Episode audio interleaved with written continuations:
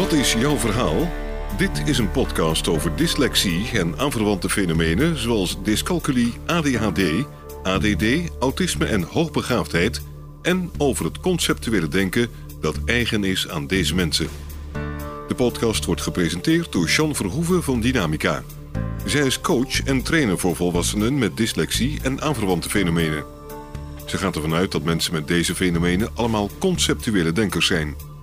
Als je dat weet en weet hoe dit denken werkt, is het mogelijk om een gemakkelijker en succesvoller leven te hebben en effectiever te kunnen functioneren in je studie of je werk. In deze podcast gaat ze in gesprek met mensen die hun eigen verhaal willen vertellen. Een verhaal dat gaat over labels, een andere manier van denken, hun tegenslagen, de voordelen van het conceptuele denken en hun succesverhalen. Jean Verhoeven spreekt uit eigen ervaring. Ze heeft zelf dyscalculie, dyslexie en ADHD. Welkom, Nadia. Dankjewel, Sjan. Kan je jezelf in het kort voorstellen wie je bent en wat je doet? Ik ben Nadia. Ik ben uh, inmiddels 49. Ik ben uh, adviseur uh, en consultant op het vlak van maatschappelijk verantwoord ondernemen. Dat houdt in dat ik bedrijven adviseer over hoe zij verantwoord om moeten gaan met de maatschappij waarin ze ondernemen. En dat gaat over zaken als mensenrechten, arbeidsvoorwaarden, uh, geen corruptie, belasting betalen en dat soort zaken. Dus het gaat er eigenlijk om dat bedrijven zich als een net burger moeten gedragen als zij ondernemen, en met name in het buitenland. En daar zijn allemaal wetten en regels voor. En daar heb ik verstand van en dat, uh, daar adviseer ik in. Aha, dat klinkt als veel schrijf, leeswerk. En dat is ook waarom ik je gevraagd heb, omdat ik weet hoe je daar anders mee om bent uh, gegaan sinds we elkaar kennen. Kan je eerst vertellen over je dyslexie? Wanneer heb je het ontdekt? Was eigenlijk heel laat met het ontdekken van mijn dyslexie. Ik heb trouwens ook nog steeds moeite met het woord dyslexie. Ik denk dat ik in mijn leven uh, vrij normaal uh, door mijn schooltijd heen gegaan ben en door mijn werk. Het enige waar misschien een kleine alarm in, in mijn vroegere jeugdtijd en in mijn schooltijd is dat ik niet graag studeerde dat ik het eigenlijk heel zwaar vond. En dat ik daarom heel bewust koos om niet uh, vervolgopleidingen en hoger onderwijs uh, te kiezen. Dus ik heb altijd voor heel praktisch onderwijs gekozen. En ik heb mezelf in de praktijk eigenlijk door bijleren en in de praktijk dingen leren geschoold. Ja. ja, dus je zegt ik wilde niet studeren, maar je wilde wel leren. Ja, ik ben heel erg geïnteresseerd in alles wat in de wereld leeft. Ik, ik, was overigens bijvoorbeeld heel erg geïnteresseerd in uh, rechts- en wetskennis altijd. Ja. ja. Maar ik zag mezelf inderdaad niet uh, een studie daarin volgen. Ik had echt zoiets van, nou, dat is heel zwaar. Ja. Dus dat, uh, dat heb ik dan ook niet gedaan. maar ik had niet in de gaten dat dat zou kunnen komen omdat ik dyslectisch was. Ik dacht eigenlijk gewoon, ik heb daar geen zin in. Ik wil andere dingen doen ik, ik, wilde het leven zien, ik wilde reizen, ik wilde andere dingen doen. En ik heb dus niet voor de studie gekozen. Ja, en als je zo terugkijkt, is het dan lui geweest? Is het dan geen zin hebben? Of is het iets anders? Ik denk dat het achteraf onbewust is geweest, omdat ik dat toch wel wist dat, dat het echt studeren mij niet lag. En wat is echt studeren? Nou, voor mij is dat in elk geval heel veel leeswerk. En dan met name het reproduceren van wat je gelezen hebt, heel letterlijk. Ja. En dat is iets wat, wat mij gewoon niet ligt en uh, lukt. Nee. Terwijl je nu eigenlijk toch constant in je werk aan het reproduceren bent wat je weet en ja. wat, wat anderen moeten weten. Ja. Maar dat is net iets anders ja. dan wanneer je studie moet uh, doen en moet rep reproduceren. Ja, maar daarom zei ik al, ik wist helemaal niet dat, het, dat ik dyslectisch was. Sterk nog, ik was eigenlijk, ik werd gezien als hoog intelligent als kind al. Ik was een, een zeer intelligent meisje. Ik pakte alles heel snel op. Ik leerde alles ook heel snel. Ja. Dus niemand heeft ooit uh, bedacht uh, of in de gaten gehad dat ik überhaupt dyslectisch zou kunnen zijn. Een voorbeeld was dat ik, waar ik echt strandde, de, met name de middelbare school, was, ik was heel goed in taal. Ik, ik, ik heb een, echt een taalknobbel ook. Ik kan heel snel talen leren. Maar ik ben heel slecht in grammatica. Enorm frustrerend. Dus dan moest ik tekstverklaring in, een, in het Engels of in het Frans of ook in het Nederlands schrijven. En dan stond hij echt, dat weet ik nog, vol met rode strepen altijd. En dan kreeg ik een 1. Maar ik had ook mondeling. En met mondeling haalde ik dat dan weer op. En daardoor kom ik altijd hakken over de sloot. Nee. nee. En hoe heb je ontdekt dat je dyslectisch bent? Nou, dat kwam eigenlijk pas heel veel later. Hoe oud was je? 42. Ik wilde bijvoorbeeld een HBO-avondopleiding doen. En dus heb ik daar uh, een maand lang heb ik dat gedaan. Toen dacht ik, oh nee, dit, uh, dit ga ik niet volhouden, vier jaar. Uh, wat ik wel graag en veel deed, was bijscholingsvakcursussen. ik heb heel lang in de IT-sector gewerkt. daar moest ik heel veel technische bijscholing doen. In het Engels allemaal overigens ontzettend leuk. Ik heb echt meer dan 30 certificaten gehaald. Omdat ik gek was op het tot mij nemen van die technische kennis. Vond ik echt helemaal geweldig.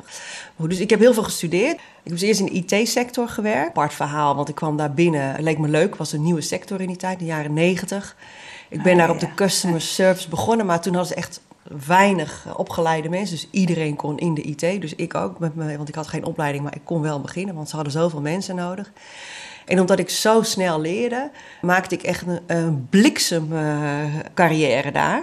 Dus ik ging, eh, geloof ik, na een jaar al ging ik naar de technische afdeling. Ja, ik, ik geloof binnen drie jaar eh, was ik zes schalen omhoog en Ja, had ik me ja. bijgeschoold tot aan de derde lijn. En dat is in de IT-wereld. Praat je over technische ondersteuning. Hoe complexer of hoe meer het gaat naar de fabrikant, eh, hoe hoger de, het niveau wordt en hoe hoger de lijn is. Dus de derde lijn is eigenlijk het, het allertechnischste niveau wat je Ja, kan ja. halen. Ja. En dat heb ik gehaald. En ik heb heel, heel lang eh, voor een groot telecombedrijf gewerkt en de derde lijn tech eh, support gedaan. Ja. Met al mijn bijscholing. Op een gegeven moment is het, is het bedrijf is dichtgaan en ik, ben me, ik, ik wilde toen heel graag iets in, in derde wereldlanden doen. want het IT was een, iets heel erg opkomends in die landen. Ik denk, nou, dat lijkt me heel leuk. En toen ben ik begonnen om als eh, tussenpersoon tussen bedrijven in Afrika en in Nederland op het vlak van technologie te helpen om te kijken of ze financiering konden krijgen en eh, infrastructurele IT-projecten konden uitrollen in Afrika. En zo, omdat daar was heel veel geld voor nodig en dat geld was er vaak niet, kwam ik terecht bij overheidsfinancieringen. Het had ik een klant en die zei tegen mij: Kan jij even een subsidie voor mij regelen? Waarop ik hem aankeek en dacht: Nou, sorry hoor, hier heb ik echt helemaal geen verstand van. En hij zegt: Nee, jij kan dat wel. Toen eh, ging ik denk ik me verdiepen in alle regelgeving, in het fenomeen ontwikkelingshulp en ontwikkelingssamenwerking en alle eh, wetten en regels en eh, faciliteiten die daarbij horen. Ik heb voor die klanten als eerste natuurlijk zijn subsidie binnengehaald. Eh, Hoezo natuurlijk? Om, eh, nou ja, natuurlijk, eh, omdat ik me er zo in verdiepte. Maar eigenlijk ging het over twee dingen. Ik had er geen verstand van. Ja. Eh, dus het eerste was heel goed lezen en interpreteren waar het over ging. Ik had natuurlijk wel heel veel verstand van, van IT in de tussentijd. En op de een of andere manier snapte ik ook heel goed wat de rol van IT is in het ontwikkelen van een land, wat nog een hele lage ontwikkelingsstaat is.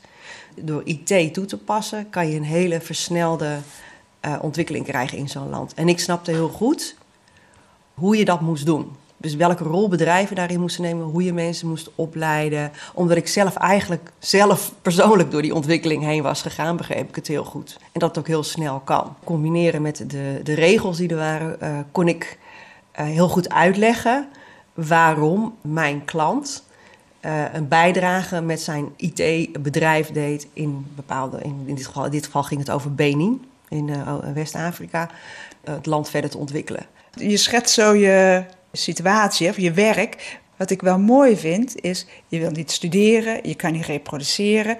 En vervolgens krijg je een opdracht van de klant. Ga je, moet je iets doen wat je niet kent. Moet Ja. je heel veel lezen. Je moet precies uitleggen hoe het zit en het Ja. lukt je.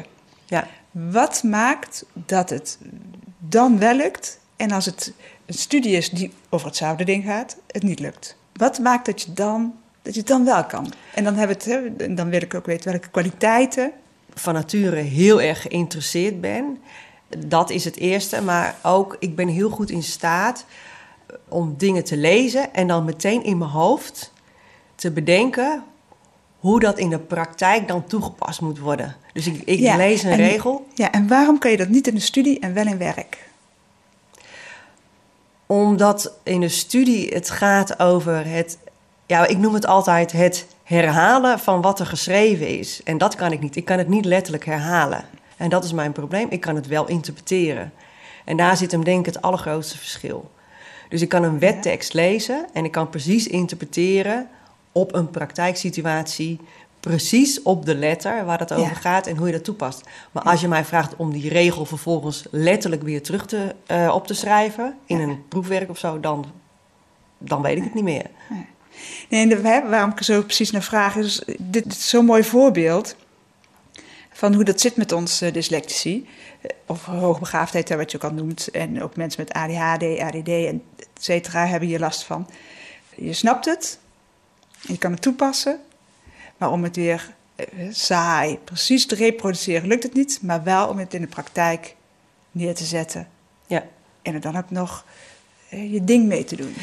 Ik ben, ik, ik ben overigens eh, bij jou, toen ik ontdekte dat ik dyslectisch ben, ga ik even terug in de tijd. Dat heb ik ontdekt omdat ik dit werk deed. En vervolgens, eh, ik had één foutje gemaakt en dat is namelijk dat ik ook te veel op me wil nemen. Dat is misschien ook iets heel herkenbaars. Ik wilde alles voor mijn klant doen en dus ook het voorstel schrijven. Nou, wat ik dus merkte, dat dat eigenlijk me wel lukte, maar verschrikkelijk veel moeite kostte. Bij de eerste klant is me er dan hakken over de sloot gewerkt, maar bij de volgende klant eh, was, het, werd het al, was het echt heel veel moeite. Het lukte uiteindelijk altijd wel. Mijn partner die zag dat, die, want die, was, die dacht, wat ben jij nou aan het doen? En binnen in de nacht, want dan zat ik weer s'nachts achter mijn bureautje en hij zegt, nou, dat klopt niet wat jij doet, hè. Die zei, die opperde toen zeg maar van, ben jij misschien dyslectisch? En ik zat hem echt zo aan te kijken. Dyslectisch? Nou, dat denk ik niet, want ja, wat was mijn begrip van dyslectisch? Dan kan je dus niet lezen en schrijven. Nou ja, ik zeg, ik kan toch lezen en schrijven, hoe bedoel je? Maar ik was toch getriggerd erdoor. En toen ben ik gaan googelen en toen heb ik eh, de website www.werken met dyslexie gevonden. En eh, ja, toen kwam ik dus bij eh, Dynamica terecht. Ik heb toen al de informatie op de website gelezen en toen dacht ik, van, toen herken ik daar heel veel in. Toen begon ik eigenlijk een beetje zenuwachtig te worden van, oh jee, dan heb ik dit dan. Toen eh, Dynamica opgebeld. Toen heb ik met uh, Gertrudie uh, van Dynamica gesproken. Ik heb mijn situatie aan haar uitgelegd. Zij heeft mij toen een aantal vragen gesteld. Van ja, uh, jij bent dyslectisch. Nou, dat is natuurlijk even schrikken. En toen heb ik eigenlijk in de eerste instantie een, uh, een coaching-afspraak uh, ook met Gertrudie gemaakt. Om daar verder op door te gaan. Toen heb ik ook wat familieopstellingen met haar gedaan. was ook heel erg. Um, ja, heb ik veel van geleerd. Wat heeft dat opgeleverd? Want familieopstelling is ook zo'n begrip van wat, wat doe je dan? Maar dat hoef ik niet precies uit te leggen. Maar wat heeft het je opgeleverd? Nou, ik denk dat dat met name... Er zit natuurlijk ook altijd een psychisch uh, kant aan het, aan het dyslectisch zijn. Dat dat mij geleerd heeft, nou, wat ik al net al aangaf... dat ik altijd veel te veel voor mensen wil doen. En dat is natuurlijk iets wat in mijn familielijn al heel erg zit... Ik vind dat ik alles moet doen voor iedereen en ik moet allemaal heel erg perfect. Perfectionisme is natuurlijk uh, ook een heel groot uh, probleem. Dus dat heeft zij met die familieopstellingen eigenlijk wel blootgelegd. Nou, dat het daarmee verbonden was. Hè. Dat ja, heb ik daarvoor ja. niet losgezien of zo. Ja. Zodat je ook weet waar het vandaan komt en ook weet hoe je daar weer in kan verminderen. Dat je dat, ja. Ja, eigenlijk nou, dat, je, dat je erop kan letten. In elk geval dat je weet van, oh ja, dat, komt, dat heeft hiermee, dat komt hierdoor, zeg maar, als je dat even kan zeggen. Ik heb toen ook uh, vierdaagse training uh, bij Dynamica gedaan, omdat ik, ja, ik wilde ook gewoon meteen weten van hoe ik dan ja, daarmee om moest gaan in de praktijk. Het was voor mij een, een nieuwe, ja, opeens was ik had ik iets, hè? dat kan je misschien wel zo zeggen. Ja. Dus, uh, van hoe doe je, hoe ga je daar dan mee om? En nou, toen heb ik die vierdaagse training gedaan. Daar heb ik gewoon echt heel veel aan gehad. In de vorm dat ik gewoon geleerd heb van... oké, okay, um, mijn denkwijze ja. en aanpak is gewoon anders. Wat kon je er vervolgens mee? Keuzes maken. Ah, ja. Ik denk dat dat het allerbelangrijkste was. Uh, om voor, voor mezelf duidelijk te maken van... nou, bijvoorbeeld het schrijven van zo'n voorstel... Uh, dat is eigenlijk iets wat ik niet moet doen. Waar ik wel heel goed in ben, is de link leggen tussen het bedrijfsplan van de klant, de ontwikkelingssituatie in het land, de overheid, uh, belangstelling en beleid in het land en doelstellingen van de overheid in Nederland. Ja. En die kan ik heel goed aan elkaar linken. Ja. Ik uh, heb dus daarna de keus gemaakt bij de volgende klant om te zeggen: prima, ik uh, ga jou hierin adviseren. Alleen ik ga naast jou zitten en jij schrijft het zelf op.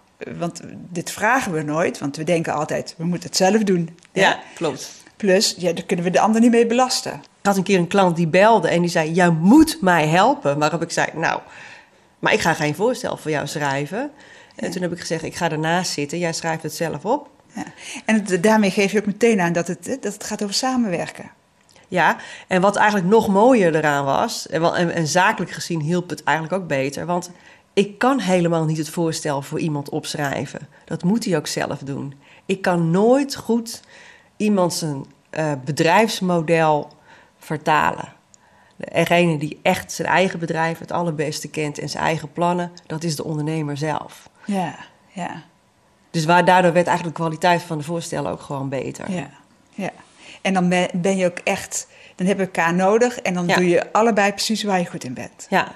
Ja, dus eigenlijk als het maar interessant genoeg is, als het maar eh, klopt met wat je wil, dan kan je door, want dan is de stress eraf. Kunnen we dat zeggen? Ik, ik moet heel eer- eerlijk zeggen Ja. dat ik eigenlijk helemaal niet het idee had dat ik het niet kon, dat schrijven. Daar liep ik pas tegenaan op dat moment dat ik het deed. Ja, ja, maar Ja. als je dan van eh, s middags 12 tot s ochtends Ja. 6 eh, zit en iemand ik van- anders zegt van hé, dit klopt niet, dan... eh, Ja, dat klopt, maar, maar ik dacht, wat doe ik hier lang over? Waarom krijg ik het niet op papier? Ik heb het allemaal in mijn hoofd. Ik zie het ook allemaal helemaal in één plaatje. En ik kan ook letterlijk, heb ik in mijn hoofd wat er moet staan. ja. Alleen ik krijg het niet op papier. Ja. ja, dat is wel mooi dat je het nog zo duidelijk noemt. Want het, ja, waarom denk je er niet, niet aan dat je dyslexie hebt? Ja, één, ik weet er niet van. Twee, ja, mijn hoofd is duidelijk. Ja, Niet in de gaten hebben hoe, hoeveel energie het kost. ja. Dus dat is wel een hele mooie. En daar heb je bijna iemand, altijd iemand anders voor nodig die dat opmerkt. Ja, over het mindmappen, hè, want dat heb je hier ook eh, geleerd.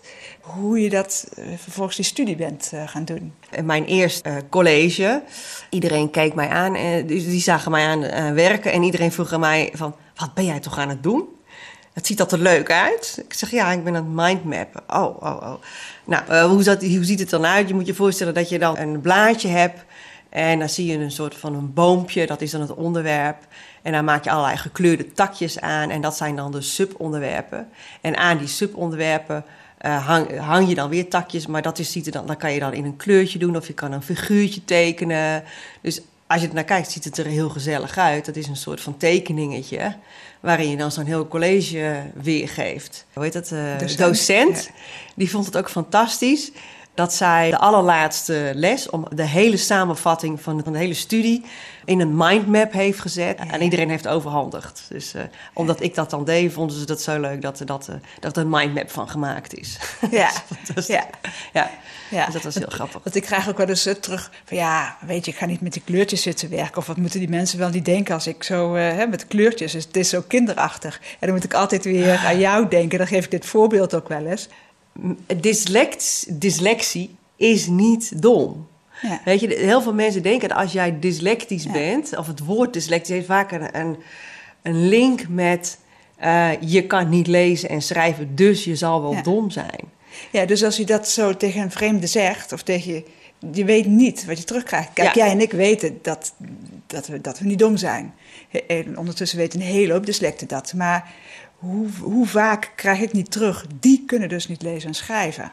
Eerste gedachte die mensen misschien hebben, en je kan het denk ik wel benoemen, maar je moet wel oppassen in welke context je het zegt. In welke context doe jij dat? Nou, ik ga dus niet tegen iemand zeggen: Hoi, ik ben Nadia en ik ben dyslectisch. Want als ik dat doe, dan zie ik mensen al zo kijken: van oké, eh, die kan dus niet lezen en schrijven. Weet je, dan krijg je toch Ja. zo'n blik. Ja, Maar als ik me eerst heb voorgesteld, ik heb mijn verhaal gedaan en ze zien wel dat ik echt wel van wanten weet, eh, mijn kennis heb en dat soort dingen. En ik no- benoem dan, eh, ik ben dyslectisch. Hè? dus ik denk op een andere manier. ja, dus die zeg je er wel bij. Ja. ja. Dan, eh, wordt het dan wordt het opeens een heel, krijgt het een hele andere lading en vinden mensen het eigenlijk heel interessant. Oh ja, oh, oh, hoe werkt dat dan en hoe doe je dat dan en eh, wat maakt jou dan anders? Ja. En wat maakt jou anders? Wat, maakt jou, wat onderscheidt jou van een lijndenker? Zoals we dit, hè, de talige mensen hier eh, noemen. Nou, ik, ik wil eigenlijk het woord dyslectisch niet eens misschien zo noemen, maar het is Ja. eh, eigenlijk eh, eh, eh, beelddenken. Eh, ik noem het ook wel eens helikopterdenken. Maar Het conceptueel denken noemen we het Ja, hier ook. en dat, is, dat beschrijft het ook. Je denkt conceptueel. Dus jij kan eigenlijk heel goed allerlei zaken overzien, volgens aan elkaar koppelen. Concepten dan denken, dus concepten ontwikkelen met de gegevens die je hebt. En ook bekijken van hoe dat dan in de toekomst uh, zich gaat gedragen. Ja. Dus je linkt eigenlijk heel veel dingen aan elkaar. Eh, je hebt heel veel informatie ter beschikking. En hoezo heel veel informatie? Want dat, dat heeft iedereen toch als je leest en schrijft. Ja, dat vind ik een hele, hele interessante vraag. Dat weet ik niet. Ik heb soms informatie waarvan ik denk, hoe kom ik hier aan? Ik heb geen idee. Een voorbeeld is wel dat ik bijvoorbeeld ontdekte dat het fenomeen ontwikkeling, economische ontwikkeling, ontwikkelingslanden en dat soort dingen, dat ik dat zo uit mijn mouw schudde. Ik heb erover gelezen. Ik was, ik was trouwens heel erg gefascineerd uh, van, van destijds de, de minister van Ontwikkelingssamenwerking, later minister van Buitenlandse Zaken Bert Koenders. En ik was heel erg gefascineerd van hem als persoon en zijn beleid. En omdat ik me zo in hem en het beleid interesseerde, nam ik het heel snel tot me. En vervolgens kon ik dat heel snel toepassen. Uh, dus je hebt een uitstekend geheugen. ja? wat, wat ik vaak hoor, ja, ik kan niet, hè, ik heb slecht geheugen, want ik kan dat woord niet onthouden, dat detail niet onthouden of die structuur niet onthouden. En dan gaan we het op ons geheugen hebben. Maar als ik dan weer jou spreek, en je bent hè, een van mijn vele klanten die dit zo uh, doen. Dus je hebt een fantastisch geheugen, het zit alleen op een, op een ander vlak. De weg uh, onthouden. Ja. Nou, dat is een van die dingen waar ik, waarmee ik aan de hand daarvan misschien kan uitleggen. Uh, iemand die, uh, die lijn denkt, die wil uh, links, rechts afweten en de straatnamen weten. En ik zie punten. Dus ik zie bijvoorbeeld een boom of een gebouw. En ik weet dat ik vanaf deze kant langs dit gebouw ben gekomen. En ik zie dat ook in een beeld voor me. Je ziet echt een beeld. Ik zie een beeld. Ik zie dat ik daar, die, heel snel gebeurt dat, maar ik zie dat ik aan die kant langs die boom ben gekomen. Dus ik weet ook dat ik dat langs die kant weer terug moet. Ja. En zo zie ik als een film de hele weg ja. waar ik, hoe ik ergens gekomen ben. En die kan ik ook weer terugdraaien, die film. Ja, ja, wauw. Ja. ja. En zo kan ik de weg uitleggen. Of eh, de, de weg volgen. Ja. Ik kan het alleen moeilijk uitleggen. Want ik kan moeilijk tegen jou zeggen, ga langs die boom. Ja die kant langs. Dan snap jij het niet uit. Ja, ja. Nee. Maar als ik zeg, kom, we gaan, uh, ik, ik leid jou daar naartoe, dan ga ik jou feilloos ja. naar uh, de auto uh, leiden in Rome, waar ik hem heb neergezet. Ja. En niet omdat ik de map heb gelezen, niet omdat ik de straatnaam heb opgeschreven. Nee, ik onthoud die punten en vervolgens draai ik de hele film terug en loop ik gewoon weer helemaal dat stukje terug. En kost het moeite? Nee, is hartstikke makkelijk. Ja. Moet je er iets voor doen? Nee, Gaat nee, automatisch. Dat doe je automatisch. Maar dat is het dus. Je ziet een, ik denk dat dat het is. Je ziet een film ja. voor je. Misschien is dat wel het beeld denken. Hoe, hoe je, je kunt het op een bepaalde manier omschrijven natuurlijk. Maar ik zie het in een film. Dus ik zie eigenlijk allerlei dingen gebeuren. Ik zie, ik zie het gewoon. En ja. voor me. Ja. Hoe kan het dat je ongeorganiseerd bent, chaotisch bent, altijd te laat komt? Uh, mijn partner uh, die is heel erg georganiseerd. En die doet alles in schema's in stapjes. En die wordt helemaal gek van mij. Want ik doe alles door elkaar heen. Ik schrijf niks op. Ik eh, werk op mijn gevoel. Ja. Kun je daar een voorbeeld van geven? Want dat is, dat is eigenlijk ook waar ik naartoe wilde. Hè? Er is chaos, maar chaos is niet per definitie chaos. Kijk, ik werk heel systematisch. Dus uh, ik heb bijvoorbeeld heel lang in de IT-sector gewerkt. Nou, er is niks systematischer dan in de IT-sector werken. Wat ga je doen? Ik, ik werkte in de probleemoplossing. Nou, wat ga je doen? Je pakt een probleem en je gaat er systematisch kijken van... Oh, uh, wat is hier precies aan de hand? Dus je analyseert het eerst helemaal en vervolgens ga je heel systematisch kijken van... dit nee, is het dat nee? En dat ga je heel systematisch, ja. werk je dat af. Net zei je, ik doe alles op gevoel. Koppel je die twee ook? Ik denk dat dat automatisch gaat. Het is jouw manier van werken. Ja, dus het is echt jouw systeem. Ik heb alles heel georganiseerd ja. voor mij. Ja. Maar als mijn partner naar mijn organisatie kijkt, zegt hij: Ik snap het niet. Nee. Maar ik snap zijn organisatie ook niet altijd. Nee. En moet je dat van elkaar snappen om met elkaar overweg te kunnen? Het, het, probleem wat ik eerst denk ik had, is dat het erop bleek dat zijn orde en zijn, uh, zijn systematiek de juiste zou zijn. Nadat ik inderdaad die cursus bij Dynamica heb gevolgd en gezegd: Oké, ik heb een andere uh, systematiek, een andere volgorde, ik doe dingen op een andere manier. Er is geen goed en slecht. Er ja. is gewoon een manier van doen. En als je met twee mensen moet samenwerken, dan moet je een middenweg gaan, gaan zoeken die voor allebei werkt. En dat is gewoon zoeken. Maar je moet je eerst van elkaar begrijpen: oké, jij denkt op deze Ja. manier.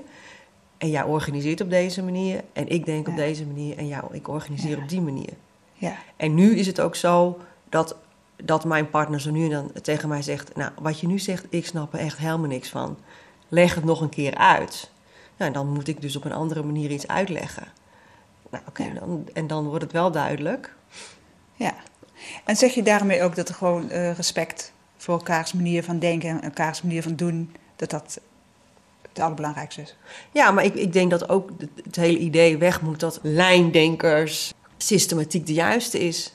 Ik denk Ja. het niet. Ik denk eerlijk gezegd, in mijn visie, dat het andersom is. Want lezen en schrijven, ik durf niet helemaal de geschiedenis te- terug te lezen, maar later, volgens mij is dat ongeveer 150 tot 200 jaar oud. En in de hele evolutie daarvoor is kennisoverdracht altijd gegaan bij verhaal, eh storytelling, verhalen en voordoen en het nadoen. Ja, En Ja. sinds 150 jaar leidend is geworden dat eh, datgene wat op schrift staat en van schrift ge- geleerd wordt de goede manier zou zijn. ja. Nou, Ja, nee, en dat is heel 100, 150 jaar geleden. eh, werd onderwijs voor, voor steeds meer voor iedereen eh, beschikbaar. Dus dan, toen is eigenlijk de ellende voor dyslectici begonnen. ja, Kun je dat zo stellen? ik denk het wel. Ik, Ja. ik, ik vraag me af of er daarvoor al dyslectici, dyslectische mensen waren. Volgens mij niet. Ja, ik denk het wel, want we denken nou eenmaal op een andere manier. Maar dat we dat, eh, het verhalen vertellen, het op een andere manier overbrengen, het voordoen. Ik, dat er iets voorgedaan wordt, doe me iets voor en ik doe het na. Ja, Moet ik het uit een boek lezen, dan kan ik het niet. Maar Dus- bestond dyslectici? Dat bestond volgens mij niet tot de schrift bestond. Ik weet het niet, maar eh, niet. Eh, Toen werd, ja, het bestond duidelijk. natuurlijk wel, maar het werd niet benoemd. Of toen was het geen probleem. Nee. En nu is het een probleem. Precies. En dan is het een probleem van ons. Nee, het is een probleem van de maatschappij, zeg ik dan. Want ze willen dat we het op die manier doen.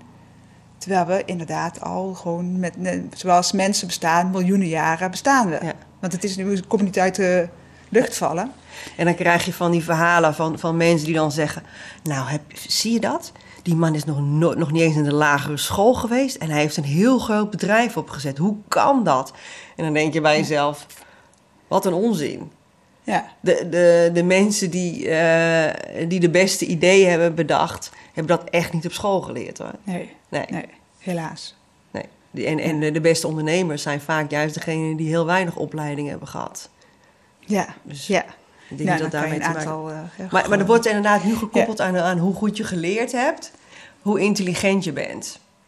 Dat misschien niet het probleem is dat je niet kan lezen en schrijven, Nee, maar dat je misschien wel de dingen moet lezen en schrijven waar je echt in geïnteresseerd bent en dat je het dan wel eh, kan. Ik wil nog even naar één eh, onderwerp. Je hebt mij verteld dat je werkt met virtuele assistenten. Ja, een van de andere activiteiten die ik doe is eh, dat ik eh, eh, internationale relaties begeleid. Bedrijven uit ontwikkelingslanden die kunnen partners zoeken in Nederland. We begeleiden die partnerships. Een van de dingen is dat we dan doen dat we, dat we meetings organiseren voor die bedrijven. Daar zit ik bij.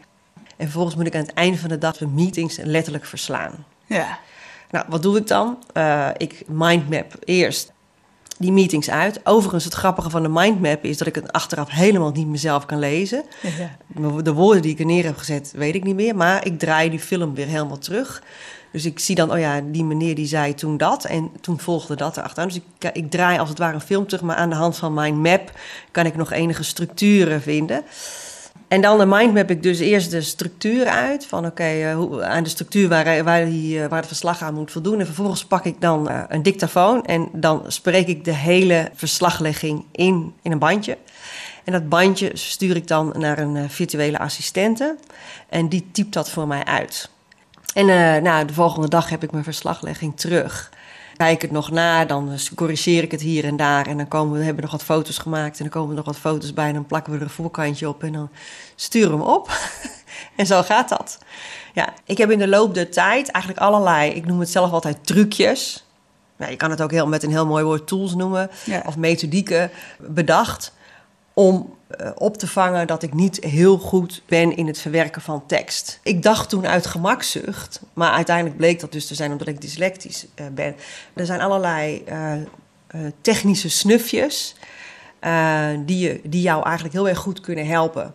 Je kan inderdaad, ik leg net even uit dat ik dingen inspreek in een bandje. Nou, dat is één, dat is eh, met een dictafoon, dicteren heet dat. Maar ja, je kan wel zeggen, maar dat, daar zit ook een bepaalde werkwijze achter. Ja, dat doe je ook ja. niet heel, dat, dat moet je wel even leren hoe je dat moet doen. Ja, want je kan niet een waar verhaal in eh, sturen en dat iemand Nee. dan daar even een leuk businessplan van maakt. Nee, maar het is ook heel moeilijk om als je dat bandje aanzet, om dan eh, eh, helemaal achter elkaar heen een heel verhaal. Dat gaat niemand lukken. Dus, Nee. dus je, moet, je moet het wel gestructureerd inspreken. Eh, Een andere methode die je ook kan gebruiken, en wat steeds meer eigenlijk gangbaar is, is het gebruiken eh, van maken van text-to-speech en speech-to-text. Ja, Op je ja. mobiele telefoon, op je computer, eh, op navigatiesystemen en noem maar op, dan kan je dat gebruiken. Moet je ook even weten hoe je het doet, maar het is heel erg handig om, om in te zetten, al die dingen als jij niet zo heel goed bent in het reproduceren van taal. En naar aanleiding van die, jij werkt met die virtuele assistent en al die vragen die je krijgt, hebben we een cursus opgezet. Staat op de agenda van eh, onze website Werken met Dyslexie of Geniaal op Rechts. De workshop Ja. heet Slim werken voor dyslectici. We gaan daarin eh, eigenlijk twee hoofdonderwerpen doen. Dat is dus het, het uit je hoofd en op papier van tekst, dus het verwerken van tekst. En het uitbesteden van het verwerken van tekst. En het ene deel bestaat dan uit hoe orden je je tekst. Dat kan je dus met allerlei technologie doen. Hoe krijg je die tekst op papier? Dat Ja. kan je ook met technologie doen. En hoe ga je vervolgens met iemand samenwerken om dat Ja, uit te dat- besteden? Ja. En dat gaan we in vier uur heel praktisch doen. Ik ga allemaal tools aanreiken en het gaan we met z'n allen samen oefenen. Ja. Hoe je dat moet doen. En voor meer informatie kan je altijd bellen of eh, mailen naar het telefoonnummer aan het einde van deze podcast. Ja. We gaan naar de afronding. Heb je nog een laatste tip? Misschien heb ik het al een beetje door, door het verhaal heen eh, gezegd. Hou op te denken in eh, beperkingen, maar ga denken in mogelijkheden. Denk hoe jij als, als dyslecticus anders denkt en dingen anders doet. En hoe je al mensen anderen daarmee aanvult. En ga daarmee aan de slag. Dat is het verhaal. Nou, dankjewel voor deze podcast. Tot ziens. Tot de volgende keer. Wil je reageren op deze podcast of heb je vragen? Stuur dan een mail naar podcast.dynamica.nl. De reacties zullen worden meegenomen in volgende podcasts. John Verhoeven geeft coaching, workshops en trainingen. Wil je meer informatie? Kijk dan op www.werkendyslexie.nl of www.geniaaloprechts.nl of bel 020 639 1099 020 639 1099. John Verhoeven heeft twee boeken geschreven over dyslexie: Slimmer dan je baas en Dyslexie, stoornis of intelligentie. Deze boeken zijn te koop in elke boekhandel. Stuur de podcast door naar iedereen waarvan je vindt dat ze meer zouden moeten weten over dyslexie, ADHD, ADD, dyscalculie, autisme en hoogbegaafdheid en het conceptuele denken. Deze podcast is gemaakt in samenwerking met Marcel de Hoog van Storytelling Media. Hij verzorgt de technische, redactionele en morele ondersteuning. Tot de volgende aflevering.